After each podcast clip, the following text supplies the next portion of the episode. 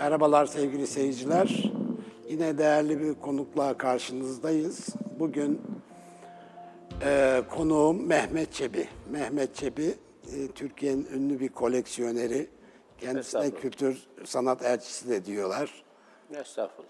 Hoş geldin Mehmet. Hoş bulduk. Öncelikle. Sevgili. Nasılsın, iyi Sağ misin? olun. Siz nasılsınız? Allah'a şükür biz de iyiyiz. Sağ olun, teşekkür ederim. Ee, Mehmet e, Çebi geçtiğimiz günlerde Cumhurbaşkanlığı Kültür Sanat Büyük Ödülü'ne layık görüldü koleksiyoner olarak. Bu vesileyle biz de beraberiz. Aslında konuk listemizdeydi.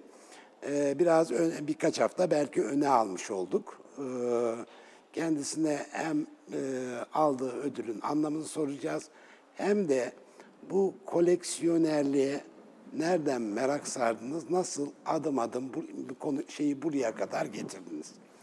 Buraya kadar diyorum çünkü çok önemli bir ekosistem oluşturdun sen aynı zamanda. Eyvallah. Önemsiyoruz. Teşekkür ediyorum. Şimdi şöyle, ben Esenler'de çocukluğum geçti. O yıllarda Esenler ilçe değildi, Bakırköy'e bağlı bir bölgeydi. Ben ilkokulu bitirdikten sonra başarılı bir talebeydim. İlkokul hocamız benimle özel olarak ilgileniyordu. Zaten aynı sokakta oturuyorduk. Böyle edebiyata, müziğe düşkün bir insandı.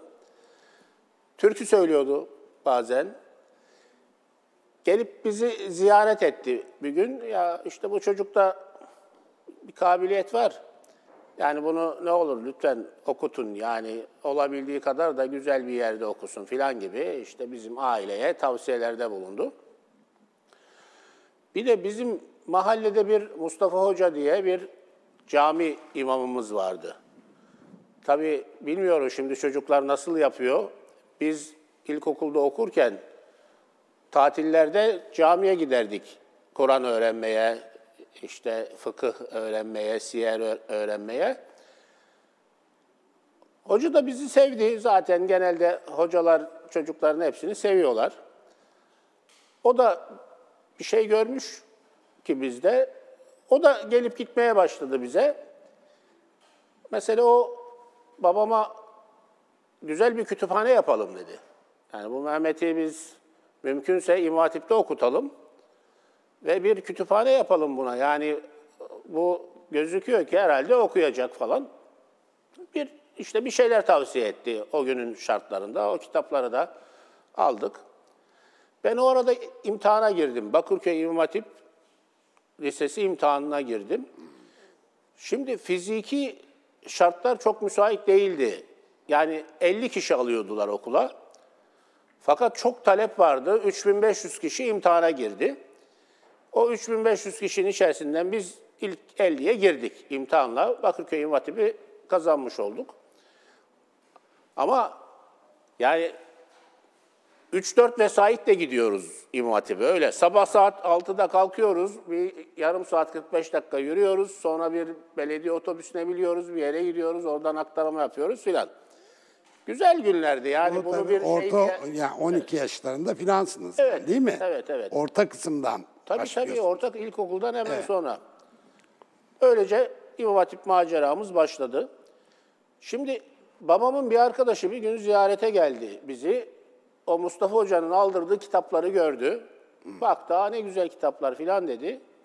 O arada döndü dedi ki ya Necip Fazıl'ın olmadığı bir kütüphane eksiktir dedi. Ben de dedim ki o zaman ne yapalım, nasıl yapalım? Ben dedi 3-5 tane kitap sana Necip Fazıl'ın getireceğim, hediye edeceğim dedi. Evet. Ben de çok memnun olurum dedim. Bir müddet sonra kitaplar geldi. İmam Hatip'e de başladık. İki saatimiz falan arabada geçiyor. Eğer oturabiliyorsak, ben ilk Çile kitabından başladım. Tabii biliyorsunuz Çile kitabı yani kafiye ile kafiyeli bir şiir tarzıyla yazılmış bir kitap. Evet. Sardı beni yani. Çok hoşuma gitti. Çok şey anlıyor muydum? Ben yani bir şeyler anlıyordum ama yani bugün de okusam yine bir şeyler anlayabiliyoruz. Yani herkes kendi anlayışı kadar oradan bir şeyler Tabii ki, öğreniyor, anlayabiliyor. Bir edebiyata, şiire karşı bir merak başladı bende. Daha birinci sınıfa giderken Çile kitabını ben ezberledim mesela. Daha sonra Sezai Karakoç'la, İsmet Özel'le, Rasim Özden Ören'le, buna benzer yani Türk Edebiyatı'nın büyük yazarlarıyla, şairleriyle tanışmış oldum. Yani daha görsel sanatlara yönelik bir ilgi yok. Yok. Daha edebiyat yok. aşamasında. Aynen öyle. Evet. Yani liseye geçtiğim zaman yavaş yavaş sanata karşı da bir ilgimin ve alakamın olduğunu hissettim. Bilmiyorum yani bugün oluyor mu? O zamanlar işte kubbe altı diye bir bugün de var. Evet. Kubbe altında konferanslar falan olurdu mesela. Onları takip ederdik. Veya başka vakıflarda değişik sohbetler olurdu. Onları takip ederdik. O arada Cenab-ı Hakk'ın da bir lütfu birçok Hattat'la tanışma imkanım oldu. Bugünün işte çok büyük hoca olarak ifade edebilecek olduğumuz insanları. Onlarla yani çocuktuk tabii yine lise ne olacak yani sonuçta arkadaş olmadık ama yani arada bir ziyaret etmeye başladık. Ve ziyaret etmeye başlayınca da o günün şartlarında küçük işte ufak tefek bir şeyler, ebrular almaya başladık veya işte küçük küçük kıta diye tabir edilen yazılar almaya başladık. Yani parayla mı satın alıyorsun? E tabii. Çok pahalı da değil. Yani iki, iki günlük bir yemek masrafı karşılığında yani bir ebru çok rahatlıkla alınabiliyordu. E sonuçta hocalar da bizim sevdiğimizi gördükleri için bize bir kıyak da yapıyordular herhalde. Daha sonra ben Siyasal Bilgiler Fakültesini kazandım. İstanbul Üniversitesi Siyasal Bilgiler Fa- Fakültesi. Tabii mekan Beyazıt. Ana bina orada. Çınaraltı diye bir yer var caminin hemen yanında. Onun yanında da Saflar Çarşısı diye bir Hemen içeride. hemen evet. içeride bir mekan var.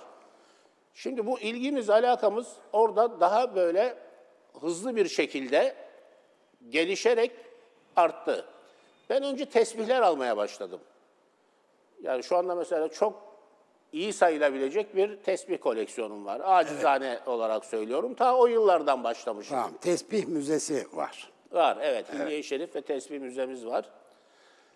İçeride de yani rahmetli Muzaffer Hoca'nın da dükkanı olmak üzere birçok böyle şifahi kültürün abide şahsiyetleri olarak bugün anlatabilecek olduğumuz çok sayıda önemli insanın dükkanı vardı. Ve bugünkü gibi yalnızca üniversite ve lise kitaplarının satıldığı mekan değildi sahaflar. Şimdi öyle Evet. oldu ne yazık ki. Evet, maalesef öyle oldu.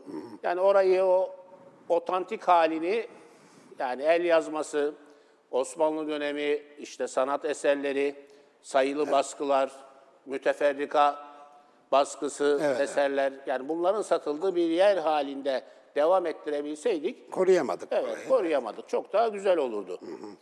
Oradaki birçok insanla da işte tanışmamızın sonucunda yine bir şeyler almaya başladık ama o aldığımız eserler daha çok bugün antika diye tabir edebilecek olduğumuz hat sanatının eski büyük ustalarına ait eserlerdi. Ben siyasal bilgileri bitirince hiçbir zaman gideyim bir müfettişlik imtihanına gireyim, kaymakamlık imtihanına gireyim gibi bir şey düşünmedim. Bir defa İstanbul'dan hiçbir şekilde ayrılmak istemiyordum. Yani sonuçta girdiniz, imtihana kazandınız. Yani Türkiye'nin her tarafı güzel, her tarafı kutsal. Orada hiçbir problemimiz yok. Yani bir işi yapmaya karar verdiniz mi, şurası burası diye seçecek bir haliniz, durumunuz yok. Yani nerede hizmet yapmak gerekiyorsa orada o hizmet yapılır. Ama ben İstanbul'dan ayrılmak istemedim. Ve dolayısıyla yani okuduğum okulla ilgili bir iş hiç benim gündemimi işgal etmedi. Daha sonra iktisatta da yüksek lisans, master yaptım. Bu arada ben yavaş yavaş artık bu işin ticaretini nasıl yaparım diye de düşünmeye başladım. Ve o aldığım birkaç tane eseri mesela o günün şartlarında müzayede şirketlerine getirip müzayedeye çıksın diye teslim ettiğim zaman aldığım fiyatın 10 katı, 20 katı gibi fiyatlara satıldığını görünce de ya bu güzel bir iş olur benim için. Ben bu işe başlayayım İş diye düşündüm. model olarak da güzel yani. Evet, evet. Ama bu arada bir şey söyleyeyim sana. Sanat zehirlenmesi diye bir şey var. Duydun mu hiç? Yani öyle söylüyorlar. Sanat zehir... Hayır hayır ciddi bu. Yani tıp terminolojisinde var yani. Ha, bilimsel bir şey yani. Bilimsel bir şey Evet. yani evet. Bu arada ben Sen bunu anlatırken ben nasıl zehirlendiğini Şükür ki anlamış oluyor. zehirlenmişiz. Güzel bir şey oldu. Seyircilerimizle beraber evet. Evet. Daha sonra tabii bu İmam Hatipli olmanın bir çok fazileti vardır. Bir tanesi de eski veya eskimeyen yazıyı, o kadim yazımızı kolayca okuyabiliyordum. Evet. Bu bir bana avantaj sağladı. Yani hem bir hat levha, bir Osmanlı eseri gördüğümüz zaman orada ne yazdığını okuyabiliyorduk. Hem de onu yazanın kim olduğunu, ketebe diye tabir edilen şeyi de anlayabiliyorduk. Tabii bu arada teorik olarak da hat sanatıyla ilgili çok sayıda eser yok zaten. Eğer vaktimiz olursa konuşuruz. Bizim büyük sıkıntılarımızdan bir tanesi de bu. Konuşuruz. Birkaç tane ana kaynak var. O kaynak eserleri de okudum. Yani kim hangi yüzyılda yaşamış, hat sanatındaki kalitesine, hat sanatına nasıl bir yorum getirmiş bunları da biliyorum. Dolayısıyla bunları da bilince bu artı bir avantaj da oldu benim için. Bir de biraz da estetik göz, estetik bir şeyi anlayabilme kabiliyeti de herhalde önemli bir şey. Elbette. Bu da zaman içerisinde oluştu herhalde. Yani böyle hat sanatı eserini böyle 10 metreden gördüğüm zaman onunla ilgili bir kanaat oluşuyordu ve gidip yakından baktığım zaman da, incelediğim zaman da o kanaatimin yüzde 80-90 doğru çıktığını da görüyordum. Evet.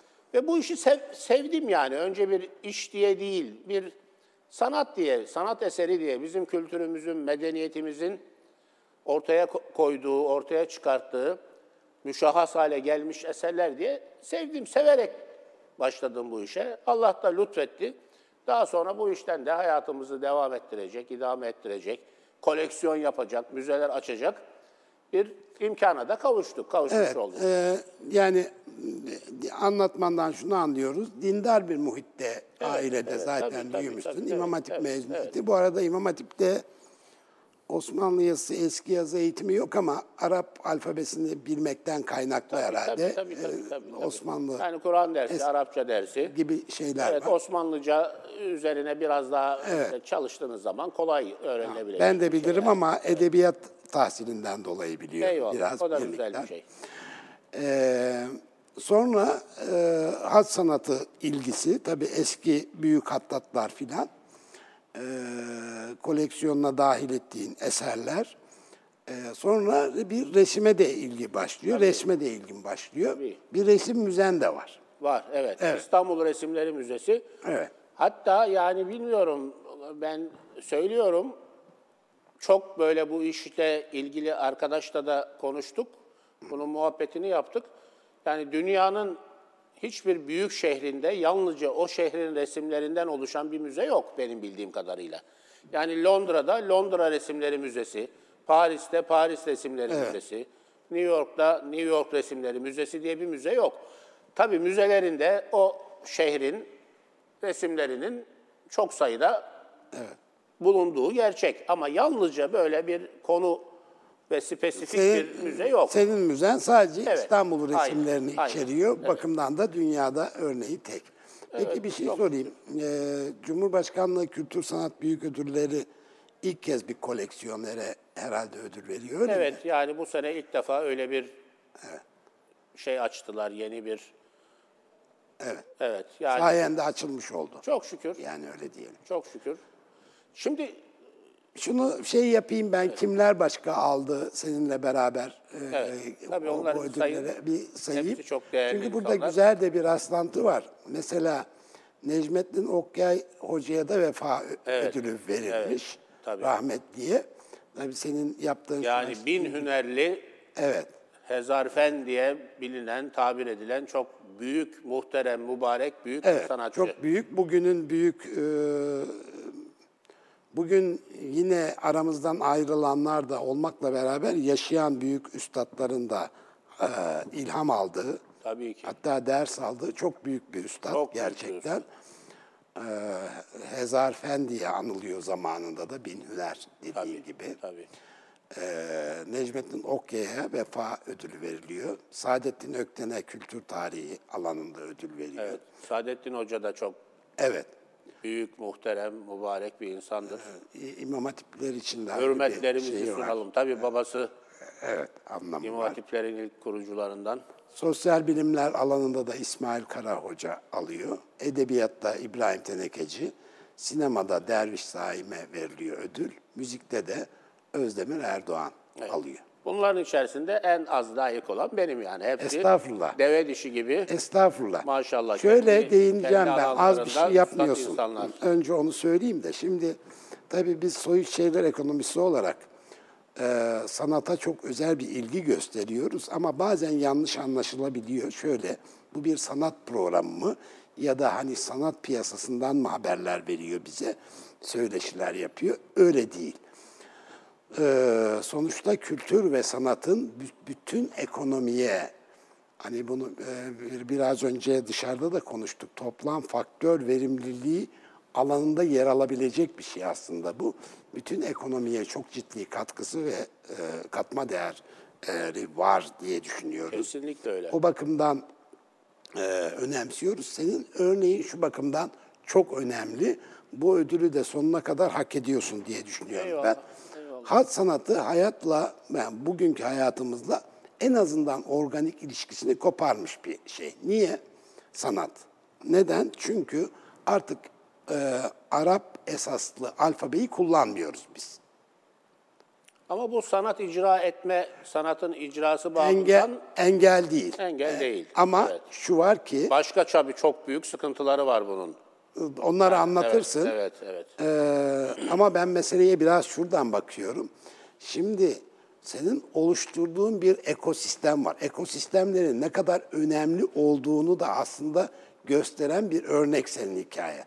Çünkü senin oluşturduğun bu ekosistem ya da işte e, hat e, eserlerine e, verilen değer, bir piyasasının oluşması filan aynı zamanda hat sanatçılarının e, daha fazla eser vermelerini, e, daha fazla motive olmalarını, hatta başka sanatçıların da bu ekosisteme dahil olması gibi Yani hobiden çıkıp bir meslek Evet. haline gelmesi bu iş için çok önemli bir Evet. şeydi. Evet. e, o bakımdan demek ki Bir ödülü, oldu. ödülü, olsa bir ödülü çok oldu, hak evet. etmişsin. Çok teşekkür Bu kültür e, e, kültür sanat piyasası elbette var. Türkiye'de bu piyasa maalesef sen benden daha iyi bilirsin. Onun, bunun içindesin. Küçük bir piya- pi- piyasa maalesef. Ama dünyada e, gerçekten çok büyük rakamların döndüğü bir piyasa. E, hele e, mesela kreatif endüstrileri de bunun içine dahil Onu edersen. koyduğunuz zaman trilyon Evet. dolarlık bir Hatta piyasa. e, Amerika Birleşik Devletleri'nde tarım ekonomisinin önünde olduğu söyleniyor. Yani tümünü kümülatif olarak e, bir araya getirdiğinizde yani bunun içinde sanat, Yani sinema. ben plastik sanatlar olarak söyleyeyim. Yani mevzuyu biraz çalıştığım için biliyorum. Evet. Üçüncü Milli Kültür Şurası diye bir şura toplandı. Evet. Orada ben de katılımcılardan bir tanesiydim. Benim konum da Türkiye'de ve dünyada sanat piyasalarıydı. Oradan Ah, biliyorum. süper, evet. Evet. Yani şöyle söyleyelim. Bir 150-200 milyar dolarlık bir piyasa var yıllık. Evet. Yani resim, antika, hat, bugün işte plastik sanatlar olarak neleri Bu plastik ediyorsak- sanatlar. Evet. Benim biraz Evet, önce söylediğim Sizin tüm kreatif endüstriler diyor. Selim Bey, trilyon dolar Evet, olur yani. tabii. Evet, Çok büyük evet. şeyler. Moda da onun içerisine Tabii, girer, her şey elbette. girer yani. Yani aldığınız bir obje de onun içerisine girer. Orada da bir tasarım var. Evet. Yani kullandığınız her şeyde aslında var. Saatte de var. Tabii bu kültür ve sanat e, endüstrisinin e, büyüklüğü sadece kendi ekonomisini yaratmıyor. Ekonominin her tarafına bir şekilde kan enjekte ediyor. Aynen öyle. Ve değer katıyor. Kesinlikle. Bunun farkında olan belki Güney Kore işte son 20 yıldır bir Kore dalgası diye bir kültür hata başlattı. Ve geçen yılda mesela e, Oscar ödülü aldılar sinemada. Bu e, Kore dalgası e, işte e, sinemadan pop müziğe kadar. Tabii şimdi mesela o sinema ve pop müzikteki başarıları onlara turist olarak da Ha, tabii birçok bakımdan. Yani evet, sanat yalnızca sanat değil yani ekonomiyle o kadar artık iç içe ki. Tabii. Yani siz güzel bir müze yaparsanız dünya standartlarında. Orada hem kendi kültürünüzü, sanatınızı, sanat tarihini anlatma imkanınız olur. Hem de en az 200-300 tane ekonomik ana dala katkı yapacak bir ekonomik faaliyet de yapmış olursunuz. Yani turizm dediğimiz şey de yalnızca işte uçağa binip bilet alıp otele gitmek falan değil ki. Evet. Ve katma değerli turizm de öyle oluşuyor bu arada. Aynen öyle, Yani hani aynen öyle. turizmi e, emtia turizminden, deniz, kum, güneş turizminden Kültür e, kültür turizmine bu tarafa taşıyabilirsiniz. ya, nitelikli turist, daha pahalı turist, daha Kesinlikle. katma değerli turist de böyle oluşabiliyor. O bakımdan da önemli. Nitekim e, bir Koreli diyor ki biz e, bu e, kültür atağını başlattıktan sonra sadece perakende de değil, baraj ihalelerinde de avantaj elde etmeye başladık. Çünkü karşı muhatabın başka bir gözle bakmaya başlıyor sana artık o noktadan sonra. Şimdi e, bu bakımdan önemli. Bizim geleneksel sanatlarımızla e, bağ kurmak, onları diriltmek, canlandırmak, yaşatmak da elbette çok önemli. Ama bunu bugünün insanı olarak yapmalıyız Evet. sonuç itibariyle. Bugünkü insanların zevklerine de hitap edebilmemiz hitap lazım. etmeliyiz. Yani sonuçta gelenek içinde yaşamak için değil, daha güzel bir gelecek inşa etmek için bize lazım. Kesinlikle öyle. Yani çağdaş sanatı güçlü, kuvvetli olmayan ülkeler maalesef kendi o kadim sanatlarını da insanlara olması gerektiği gibi anlatamıyorlar. Evet. Yani çok büyük bir hakikaten sanat ve medeniyet tarihimiz var. İslam Evet. sanatı olarak, İslam medeniyeti olarak. Özelde Osmanlı olarak. Ama bunun bugün temsilcilerini biz insanların önüne kendi kültür, sanat ve medeniyetimizin devam eden cari eserleriyle onların önüne koymazsak, onlardan yola çıkarak geriye doğru kendi o tarihte ürettiğimiz medeniyet ve kültür sanat eserlerimizin de Evet. tanıtımını yapamıyoruz. Dolayısıyla o işte gelenek dediğimiz şey gelene ek yapma meselesi. Aynen. Yani çağdaş sanatın ekonomisi de yani genelde sanat piyasası da çağdaş sanat üzerine ağırlıklı olarak dönüyor. Çünkü tarihteki çok büyük, önemli insanların eserleri artık koleksiyonlara girmiş, müzelere girmiş.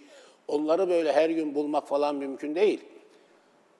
Niçin bugün bakın yani bunu söylüyorum. İşte biraz bu işi takip edenler de biliyordur. Yani 94 milyon dolara yaşayan bir sanatçı bir heykelini sattı. Böyle 40 milyon, 30 milyon, 20 milyon dolara bugün eserini satan batılı, doğulu, doğudan kastım da bizim İslam ülkeleri değil, Çin, Japon. Çok sayıda sanatçı var. Yani 5 milyon doların üzerinde bugün eserini satan belki binlerce sanatçı var. Zaten e, klasikler e, bu piyasayı oluşturacak yeterli girdiği sağlayamazlar. Öyle değil mi? Yani yeni girdilerin olması Tabii, lazım. kesinlikle Onlar da ister gelenekler beslensin, sonuçta o yine de bir çağdaş eserdir. Tabii, Bugünkü bizim yaptığı e, ha- hat sanatçılarımızın yaptığı da öyledir. E, hat sanatı olmasına rağmen çağdaş eserdir. Ne kadar çağdaştır konuları biraz belki tartışmaya Evet, açık tartışılabilir. vardır. Bir de meseleye yalnızca hat sanatı olarak da bakmayalım. Tabii. Yani bizim kültür ve medeniyetimizin üretmiş olduğu bütün sanat dalları bizim çağdaş sanatta da, modern sanatta da ortaya koyacak olduğumuz eserlerde bir şekilde ruh olarak, mana olarak, bir kısmı şekil olarak yaşar, yaşayabilir, yaşamalı. Yani bunu yani kendi sanat eserlerinde deneyen çok sayıda sanatçı da var. Mesela Erol Akyavaş kendisi hattat değildir. Ama hat sanatını kendi resim sanatının içerisinde kullanmıştır. Buna benzer çok sayıda sanatçı var. Yani Evet. bunun tersi de doğru. Yani genelde sanat diyelim. Yani kim hangi sanat eserini hangi dalla ilgili oluşturmak istiyorsa, ortaya koymak istiyorsa o kültür ve medeniyetimizin üretmiş olduğu bütün sanat dallarından ilham alsın ve uygun gördüklerinde kendi sanat eserlerinde kullansın. Evet. Yani meselemiz yalnızca hat sanatı meselesi değil yani resim de bizim sanatımız. Yani bizim de resim sanatı, yani Türk resim sanatı diye dünyada marka olmuş bir şeyimiz yok maalesef ama yaşayan binlerce ressamımız var ve bunlar da kendi kültür ve medeniyetlerine bir yanlarını dayayıp o medeniyetten de izler, işaretler, alametler taşıyan dünya zevkine de, dünya sanatına da katkıda bulunacak olan eserler ortaya koysunlar yani. Bunları da teşvik etmemiz lazım. Tamam Mehmet Beyciğim. Sohbetimiz çok güzel gidiyor ama çok kısa bir reklam arası vereceğiz. ki, tabii ki. Kısa bir reklam arası sevgili seyirciler.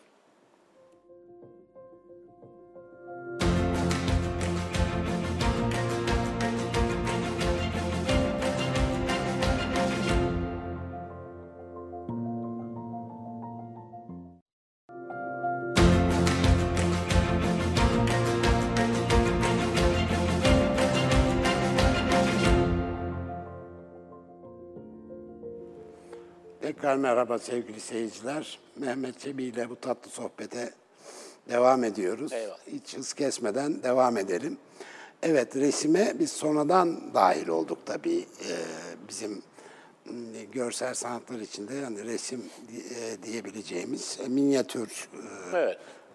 Yani batı tarzda resim, batı tarzı 1800'lerin ortalarında başlıyor diyebiliriz. Evet, yani. öyle diyebiliriz. Primitif sanatçılarla. Aslında yani ben de resim konusunda çok iddialı konuşamam ama 1800'lerden sonra da az sanatçı yetişmemiş yani Ee, çok başarılı ressamlarımız var öyle değil mi? Kesinlikle öyle. O 1914 kuşağı dediğimiz Evet. insanlar, sanatçılar var. Yani şanssızlıkları mı desek, ne desek bilmiyorum. Yani Türk Türkiye'de doğmuş olmaları şanssızlıkları. Mesela Nazmi Ziya Fransa'da doğmuş olsaydı bugün bir Nazmi Ziya eseri için orta ve iyi kalite bir Nazmi Ziya eseri için 50 milyon dolar ödememiz gerekirdi. Evet. Bir Hüseyin Avni Lifiş bugün bir İngiliz vatandaşı olsaydı, İngiltere'de doğmuş olsaydı Lifiş için bir 30 milyon, 50 milyon dolar ödememiz gerekirdi. Sami Yetik için de aynı şeyi söyleyebiliriz. Hüseyin Zekai Paşa için de aynı şeyi söyleyebiliriz. Yani onlarca böyle örnek ve misal verebiliriz. Yani çok üst düzey kabiliyetli insanlar Var. var. Bunlar yetişmiş fakat biraz önce söyledim. Bunlar işte bir tarz, bir ekol olamamışlar. Mesela Nazmi Ziya ve Lifiş. Bunlar empresyonist tarzda resimler ortaya koymuşlar. Ama dönem olarak yani empresyonizmin çıktığı zamanla bunların arasında bir fark yok yani. Hemen hemen aynı. Aynı dönemin insanları. Mesela Osman Hamdi diye bir değil mi ressamımız var. E şimdi Osman Hamdi mesela Türk resminin en çok para eden insanı. Ama Osman Hamdi oryantalist dediğimiz bir resim tarzının içerisinde resmini konumlandırabilecek olduğumuz bir insan. Yani bunların hepsi bir yerlerde Olsun, o da çıkmışlar. para ediyorsa ediyor işte yani. Ediyor, şundan ediyor. Yani Türk Belki evet. Türk resminin profesyonel manada ilk temsilcilerinden bir tanesi olduğu, olduğu için ediyor. Evet. Bir de tabii başka özellikleri var. İşte müze kurucusudur, odur, budur tabii, falandır filandır. Yani yalnızca sanat ve sanatın kalitesi fiyatlama açısından tek başına Ama biz belirleyici mesela olmuyor Mehmet yani. Bey biz de Evet. markalara imaj yapıyoruz biliyorsun. Tamam yani Kenan Evren sergi yapardı. Birkaç tanesine ben de gittim. Yani 40 bin, 50 bin dolarlara resimlerini satardı ve böyle millet kapıda beklerdi. Eski paşalarımız var ya bizim o 28 Şubat Evet. paşaları. Onların bazılarının hanımları da ressamdı biliyorsunuz. Sergi yaparlardı. Profesyonel ressamların 5 katına satarlardı fiyatlarını. Başka bir şey. Artık orada oluşan değere e, şeyle karşılaştırmayalım. Evet, etmeyelim. diğerleriyle. Çünkü ben bir müzayedede gördüm. Kenan Evren'in bir tablosu 400 liraya müzayedeye çıktı. 600 liraya filan satıldı. 200 dolar yapıyordu o zaman. Dolayısıyla bu çağdaş sanatta da bu var. Yani Var tabii. var. Yani Bunlar olacak. Ama tarihe kalıcı olabilmek için, tarihte o sanat tarihin içerisinde yer alabilmek için mutlaka bir sanat kalitenizin olması lazım. Yani hep böyle PR'la olmuyor. muhakkak. Mesela Ama o, siz, ben onlar şimdi kendi- resim yapsam, gelsem siz dünya çapında bir PR'cısınız. Beni mesela bir dünya markası yapabilir misiniz? Yaparım da ne kadar sürdürürüz bilemem. Bir de kabiliyetimin o, Onlar parayla oluyor olursa biliyorsun. olur. Dünya markası olmak da iyi bütçeler kullanırsanız bunun bir formülü var ama Tamam da o yaptığınız zaman resimlerden büyük paramızın olması Evet, lazım. tabii. Parayı da heba Tabii, etmişiz gibi tabii. bir şey Öyle olur. yani. rasyonel değil. Rasyonel değil, evet. Öyle diyelim. Yoksa olmaz değil yani. E peki e, hat sanatında bugün geldiğimiz nokta nedir sence? Şöyle söyleyeyim. Şimdi klasik sanatların hepsi zaman içerisinde kendini geliştirerek gelen sanatlar. Yani şöyle düşünün. Bir Şeyh Hamdullah diye bir Osmanlı hat sanatının kurucusu kabul edilen bir büyük sanatçımız var. 16. yüzyılda yaşamış. Hatta meşhur hikayedir bilirsiniz. Sultan Beyazıt hokkasını tutarmış. Yani o kadar büyük böyle hürmet edermiş ona. O da işte kamışı getirip o hokkaya daldırıp oradan alıp Evet, Yazar. sevabından nasiplenmek evet, için. Evet. bu kadar büyük ve hürmet gören bir insan. Şimdi bugün bir hocadan icazet almış, ortak kabiliyette, orta kalitede bir hat yazan insanla Şeyh Hamdullah'ın hattını, imzaları bir kenara koyarak söylüyoruz. Şöyle karşı karşıya koysak, ikisinin de fotokopisini çeksek ve bunu getirip bu işten anlayan insanların önüne koysak. Yani muhtemelen nesih yazı olarak bugün yaşayan Hattat'ın yazdığı yazıya genel hat bilgileri muvacesinde bu daha iyi kalitede bir yazı diyecek. Sülüste de bu geçerli. Ama arada 500 sene var. O neden? Neden? Yani- Şundan dolayı. Sonra gelen büyük kabiliyetler, büyük sanatçılar icra ettikleri o klasik sanatla ilgili, hat sanatını konuşuyoruz, hat sanatı ile ilgili daha önce büyük ustaların eserlerini gördükleri zaman onu Evet. kendi kabiliyetlerinde katarak daha güzelleştiriyordular. Örnek sayısı fazla oluyor önlerinde. O Tabii. mana. Yani 16. yüzyıldan 17. yüzyıla geldiğimiz zaman sülüs yazıda, nesih yazıda daha tekamül ederek geldi. 18. yüzyılda o tekamül devam etti. 19. yüzyılda zirveye çıktı. Yani bir Şevki Efendi diye bir hattat geldi. Nesih yazı dediğimiz o kitap yazısını olabilecek en güzel hale getirdi. Mesela işte bir Mahmut Celalettin, bir Sami Efendi, bir Nazif Efendi gibi çok büyük, Mustafa Rakım gibi çok büyük celi yazı yazan, yani büyük yazılar yazan büyük sanatçılar geldi ve onlar sülüs yazıyı en güzel, en mükemmel hale getirdiler harfleri. Bu zaman içerisinde tarihte geldiği kadar hızlı olmasa da çünkü artık kemale doğru ne kadar yaklaştıkça ona yeni yeni eklerin yapılması o kadar zorlaşır. Zorlaşır evet. Evet yani bugün artık Şevki gibi yazan, Mahmut Celalettin gibi yazan, Sami Efendi gibi yazan, Nazif Bey gibi yazan dünyanın her tarafında Türk ve başka milletlere ait yani mübalağa etmiyorum binlerce belki on binlerce artık hattatımız var. Hattat var. Yani bir geriye gidiş yok hattın seviyesinde, kalitesinde. Hatta daha iyiye gidiş var ve bu da devam edecek yani. 22. 2. yüzyılda hat sanatı bugünkünden daha iyi olacak. Çünkü sonuçta şahsi kabiliyetlerle yürüyen bir şey. Ama istenen bu mu? Bu, bu, da mu? başka bir soru. Bu mu? Evet, istenen bu değil. Şimdi tabii Yani- her sanat bir zanaat üzerine oturuyor. Yani istenen bu mu derken bu tekamül etsin ama bunu artık tarihte yapılmayan şekilde de nasıl ortaya Evet, koyarız sorusunu kendimize soralım. Şimdi bu bir zanaat bir taraftan baktığında. Yani bir kısmı zanaat haline geldi maalesef. Evet. Çünkü taklidin olduğu yerde daha öncekine benzeyen işlerin olduğu yerde bu iş zanaat haline de gelebiliyor. Tabii her Evet. za- e, sanat dalı da bir zanaat üzerine oturuyor. Tabii, o da ayrı bir sonuçta, mevzu. e, resim yapacaksanız fırça kullanmayı, boya Bileceksiniz, karıştırmayı bileceksiniz. bileceksiniz, tabii. Fotoğraf çekeceksiniz, e, ışık bileceksiniz, ka- işte kadraj bileceksiniz filan.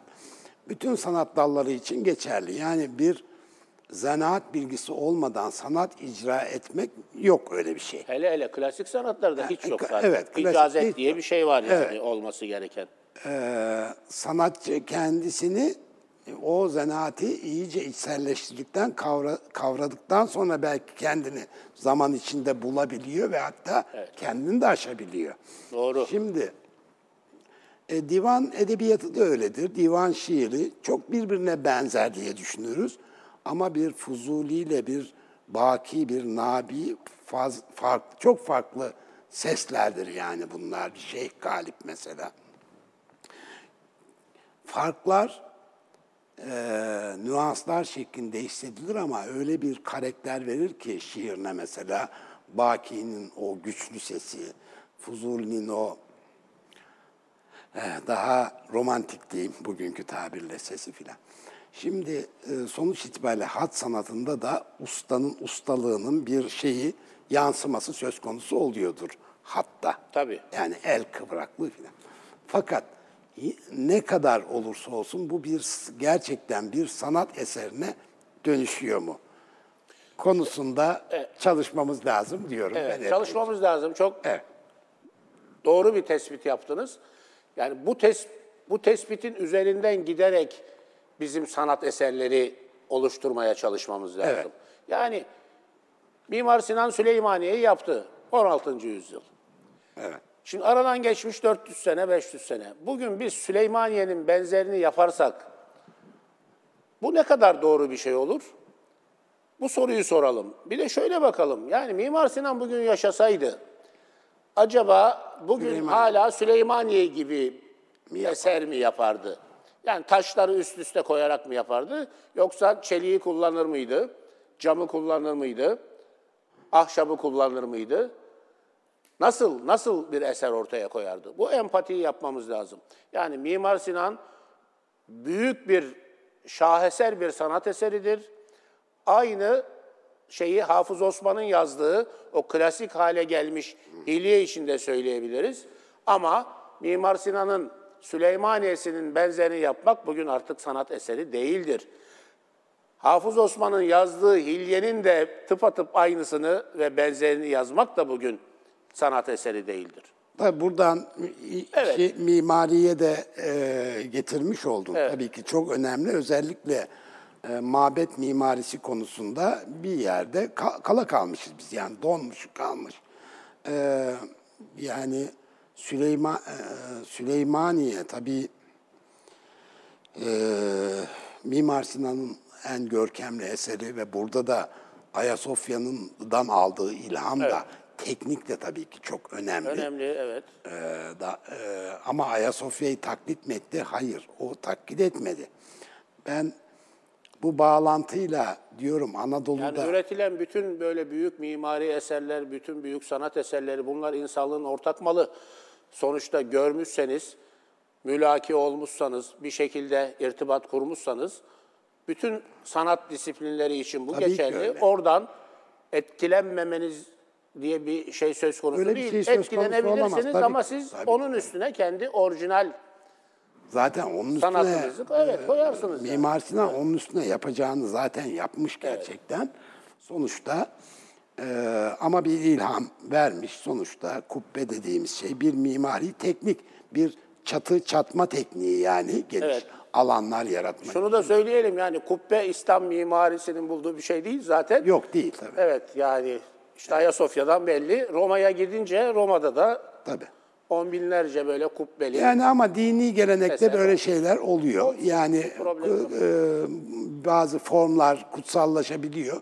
Mesela kubbesiz cami olmaz gibi hani caminin e, kriterlerinden biri gibi algılanıyor. Öyle bir şey tabii ki yok. Çok yanlış bir şey ama. Ama bazı formların da bir şeyleri temsil ediyor olması yani semiotik olarak bunların da anlamı var. Toplumda da anlamı var. Bunlara da göz kapamak da doğru değil ama e, Yarın anlamını mimarisinde insanların oluşturabilecek olduğu bugün çok anlamasalar da üst düzey kaliteli işleri bizim denemekten çekinmememiz lazım. Tabii tabii. Yani Evet. O muhakkak. Evet, yani bizim kesinlikle yani. sivil mimaride de, mabet mimarisinde de bizim dü- dünyaya söyleyebileceğimiz şeyler bu alanlarda zaten. Na- Nasıl dünyaya sanat alanında nasıl meydan okuyacaksın? Yani İstanbul'da bir tane Osmanlı döneminden kalma, yani 16. yüzyıldan filan bahsetmiyoruz yani. 19. yüzyıldan bahsediyoruz. Bir tek otantik sokağımız yok. Yani ne yapmışız, ne yapmışız biz İstanbul'u? Yani bırakın Roma'yı, Paris'i, Viyana'yı, yani şu bize yakın Balkan ülkeleri var ya, o Balkan ülkelerinin baş şehirlerine gittiğiniz zaman veya büyük şehirlerine gittiğiniz zaman, yani 18. yüzyıldan, 19. yüzyıldan yüzlerce örneğe rastlayabiliyorsunuz. Tabii. Mimari örneklerine, sokak örneklerine. O değil mesela. e, Yani Mehmet nasıl bu Beyciğim, kadar hoyrat kullanmışız kendi kültürümüzü, büyük tarihimizi bir, büyük maalesef. bir şuursuzluk e, öyle söyleyelim. E, ben bu bakımdan bazı mimarlar buna itiraz ediyorlar ama ben rekonstrüksiyonu önemsiyorum. Yani o sokağa üç parça kaldıysa diğer on parçasını tamamlamak gerekir. Bugün Varşova İkinci Dünya Savaşı'nda yerle bir olmuş Evet. bir şehirdir. Eski fotoğraflardan bakarak Evet, eski inşa ettiler. fotoğraflardan bakarak yeniden aynısını inşa ettiler. Onlar belki aynı teknolojiyle bile inşa ettiler. Ben öyle olması bile gerekmiyor. Bence yeni teknolojilerle de Yapılabilir. Dış- dış yüzey, orijinal yüzey verilebilir. kalmak şartıyla Bizim yapılabilir. sadece İstanbul için geçerli değil ya. Bütün şehirlerimizde bu sorun olduğu için rekonstrüksiyon önemli. Yeniden en azından belli başlı yerleri yaşatmak için bunlar Tabii, yani hafıza mekanları. 1940'lı 50'li yıllardan fotoğraflar ben gördüm Bursa ile ilgili. Evet. Yani Bursa mesela bütün dünyaya örnek olacak bir İslam Türk İslam medeniyeti Şehri. şehriydi. Ama 1950'den sonra Bursa'yı ne hale getirdik? Hele hele şu anda Bursa ne halde? Yani bu soruları da yani en azından böyle bir araya geldiğimiz zaman birbirimize soralım da İşte soruyoruz. Evet yani buna benzer otantik kalmış bazı yerler varsa Bursa'nın başına gelenler oraların başına gelmesin. Ya ben şunu da söyleyeyim bak hayatımdaki en güzel Osmanlı örneği yerleri Bosna Hersek'te gördüm mesela. Daha fazla korunabildiği için. Evet Yani mesela köy var. Muhtemelen 17. yüzyılda köy öyledir. Yani çatısından sokaklarına kadar. E bunlar bir dönem komünistlerin şeysi altında kalmadılar mı? İşte kapitalizmin şeyine uğramamışlar belki. Zulmüne. E, zulmüne demeyelim, zulmüne mi diyelim bilmiyorum yani işte kapitalizmin bu yok edici bir şeyi vardır ya 50'den sonra diyorsun. Bizim kapitalistleşme sürecinin hızlandığı dönemler, o dönemler. Hatta muhafazakar diyebileceğimiz bir iktidar da var yani sonuçta. Yani Öyle bu değil mi? konuda uzun uzun konuşmak lazım. Evet, çok konuşmak Birkaç lazım. cümleyle geçiştirilecek bir mevzu değil. Hepimizin suçu var burada. Yok suç İktidarıyla, muhalefetiyle, aydınıyla, köylüsüyle, şehirlisiyle maalesef bu işi ciddiye almadık. Hala daha ciddiye almıyoruz.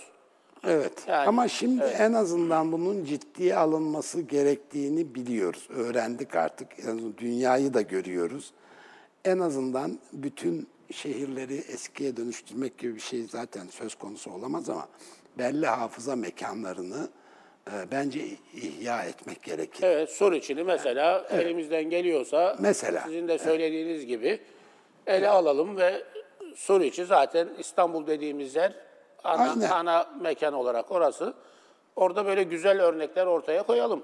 Olabilir. Yani ben mevcutları e, bakımdan geçirilip yenileri eski Süleymaniye'nin fotoğraflarla civarını mesela Süleymaniye açalım. civarı, Tabii muhakkak. Bizim müzede orada. Yani Mimar Sinan eseri bizim müze, Hilye-i Şerife Tesbih Müzesi. Yani bizim müzeye 5 metre mesafede yıkılması gereken belki yüzlerce böyle derme çatma yapılmış. Allah göstermesin. Bir deprem olduğu zaman milletin başına yıkılacak. Son derece kötü binalar var. E şimdi Mimar Sinan'ın eseri gelmiş. Yani Dünyanın kuşatılmış gelmiş durumda. geçmiş Evet. en büyük mimarlarından bir tanesi. Etrafını öyle kötü şeylerle kuşatmışız ki. Yani o esere de yazık, oradaki müzeye de yazık, her şeye yazık. Yani düşünsenize siz birisi böyle mercandan yukarı çıkarken bir sokağa girse karşısına bir Mimar Sinan eseri çıkıyor. Hayretler içerisinde kalan çok insana rastladım ben. Doğrudur, doğrudur. Ya burası Mimar Sinan eseri mi? Vay bilmiyorduk falan filan diyorlar. E şimdi yani sonuçta Mimar Sinan'ın bir yaptığı medrese binası. Yani o binayı görmeye yüzlerce, binlerce turist gelmesi lazım her ay. Bir de içinde müze var. Evet. O da bir bonus. Ama yani o oralara belli saatten sonra o sokaklardan girmeye, gezmeye, oradan geçmeye cesaret ister. Doğru söylüyorsun. Yani bunu çok üzülerek söylüyorum. Yani vakıflar biz işte aldık orayı, restore ettik. Yani çok emek verildi, paralar harcandı. Yani kubbelerdeki kurşunları söküp çaldılar geçen ay. Yani kamera olduğu halde, bekçi olduğu halde, Mimariyle evet yani. ahlak arasında da ilişki var. Bu arada onu da söyleyeyim. Ahlakla her şeyin arasında ilişki var. Evet. Sanat ahlakı, iş ahlakı. Nitekim e, Varşo, biraz önce sözünü ettik. Varşova'da e, o eski mimari kaybolduktan sonra suç oranları ciddi derecede artıyor. Ahlaksızlık alıp başını gidiyor. Ve zaten buna karşı bir tedbir olsun diye biz eski mimariyi inşa etmeliyiz diyorlar. Yani Bu da enteresan bir durummuş. Evet, Böyle bir bilmiyordum şey. bunu. Var var Amerika'da da bir toplu konut örneği var. Ee, aynı şekilde sırf mimarinin toplumsal yaşama uymaması nedeniyle e, içki, fuhuş, her türlü suç e, oranları orada artıyor ve baş edemiyor artık. E, eyalet yıkıyor şeyi, siteyi. Site zaten iyi bir şey değil. Evet, siteyi yıkıyorlar yani. Küçük de olsa bahçeli ev modeline geçmemiz lazım. Artık yani e, mevcut kültürlerine uygun bir şey olmadığı için e, o siteyi Yani bunlar şey- ekonomik hale de getirilebilir. Yani ekonomi evet iktisatta master yaptık, siyasal bilgiler okuduk ama yani bildiğimiz bir şey değil diyelim. Ama bir vatandaş olarak şöyle bakıyorum. Yani Türkiye'deki arazilerin yüzde 75'i 80'i hazineye ait. Ya hazine bunları gerekiyorsa kendi vatandaşı için bir proje dahilinde kullanıma açsın yani. Ne var bunda? Sonuçta kendi insanımıza vereceğiz. Evet. Yani ben şeyi anlamıyorum yani kusura bakma belediye başkanları beni dinliyorlarsa yani Dinlerler. dönüşüm yapacağız değil mi? Deprem diye bir gerçek var. Binalar çöküyor, insanlar ölüyor.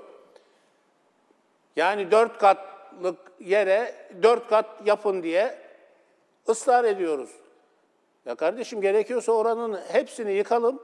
Oradaki insanlara sonuçta bu insanlar da bunu dişleriyle, tırnaklarıyla kazandılar. Yani onların kendi oturdukları yerin metrekaresinde yer istemelerini anlamayacak ne var ben bunu anlamıyorum. Tabii. 30 sene çoluk çocuk uğraşmışlar.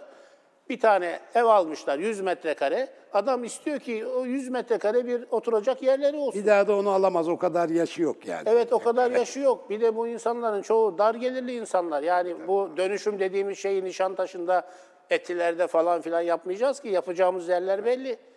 Ya bu insanlara bir kolaylık gösterelim. Bunlar bizim insanımız. Evet, belediyelere Evet, de gerekiyorsa mesaj- mesaj şehri olsun. orada kurmayalım. Orayı bahçe yapalım. Şehrin içerisinde bahçeler oluşsun. Londra'ya gitmişsinizdir. Evet. Peki. e, Evet. e, zamanımız azalıyor. Çok az kaldı. Birkaç ben birkaç şey kaldı. söylemek istiyorum. Birkaç dakikamız Evet. kaldı. Onun için bu birkaç dakikayı sana bırakıyorum. Söyleyeceğini söyle. Eyvallah. Konuşulacak çok şey var ama bizim kültür sanat ve plastik eserler üzerine ağırlıklı olarak konuştuğumuz için söylüyorum. Önümüzde çok büyük birkaç tane engel var. Yani bizim sanatımızın dünya sanatı haline gelmesinin önündeki en büyük engel, ben bunu Milli Kültür Şurası'nda da söyledim. Kendi iki sayfalık metnimin ana konusu da bu. Kültür ve Tabiat Varlıklarını Koruma Kanunu diye saçma sapan bir kanun var. Yani bu sohbeti Neye böyle engel ol- televizyonda değil de böyle özel bir yerde yapsaydık çok daha ağır kelimelerle başlardım bu sohbete. Tamam. Evet. Mesaj alındı. Yani biz 1800'lerin sonunda çıkmış bu kanun. Zaman içerisinde de daha kötü hale getirilmiş. Yani böyle korumacı mantıkla sanat eserinin Tamam neye engel oluyor bu? Neye engel oluyor? Mesela siz Bugün hiçbir tarz sanat eserini eski, 100 yıldan daha eski ki sanat eseri olması da şart değil. Yani bir tane Herhangi bir eser. kaldırım taşı bulsanız üzerinde tarihi olan onu yurt dışına çıkaracağım dediğiniz zaman gidip müzeden izin almanız lazım. Müzede oradaki tarihi gördüğü zaman size izin vermiyor zaten. Yani biz bugün resmi yollarla dünyanın en büyük müzayede şirketleri var değil mi? Londra'da, New York'ta, Hong Kong'da. Biz biraz önce söylediğimiz bir Kazasker Mustafa İzzet Efendi'nin ki 19. yüzyılda yaşamıştı. Bir Sami Efendi'nin, bir Nazif Bey'in bir eserini Sotibaz diye, Christie's diye isimlerini söyleyeyim, reklama girmez inşallah. Müzayede şirketine getirip resmi yolla koyamıyoruz. Yani ben o eseri elime alıp Mehmet Çebi adına veya bir başkası kendi adına getirip orada dünya sanat severlerinin beğenisine sunup orada serbest rekabet şartları içerisinde fiyat oluşturarak satamıyor. O bu şu anlama geliyor. Bizim eserlerimiz dünya piyasasına girmiyor. Girmediği için de değer bulmuyor. Evet. Öyle Girenler de nasıl giriyor? Ya kaçak gidiyor Evet. veya yurt dışında yaşayan işte bir şekilde Türk olabilir veya işte ilgili başka İslam ülkelerinden birilerinin vesilesiyle giriyor. Ama orada fiyat oluşması babında iş böyle kaçak göçek bir anlayışla orada da kabul edildiği için fiyatlaması çok ucuz yapılıyor ve dünyadaki koleksiyoncular ve müzeler de Türk menşeili eserler olduğu için bu eserler bunları satın alırken gönül rahatlığıyla satın alamıyor. bunu bildikleri için Evet. yani piyasada Yani legal niye- olarak niye başını belaya soksun? Mesela çok sayıda örnek var. Yani dolanıma Christie's'e, Sotheby's'e, dünyadaki büyük mezar şirketlerine çıkmış, eser satılmış.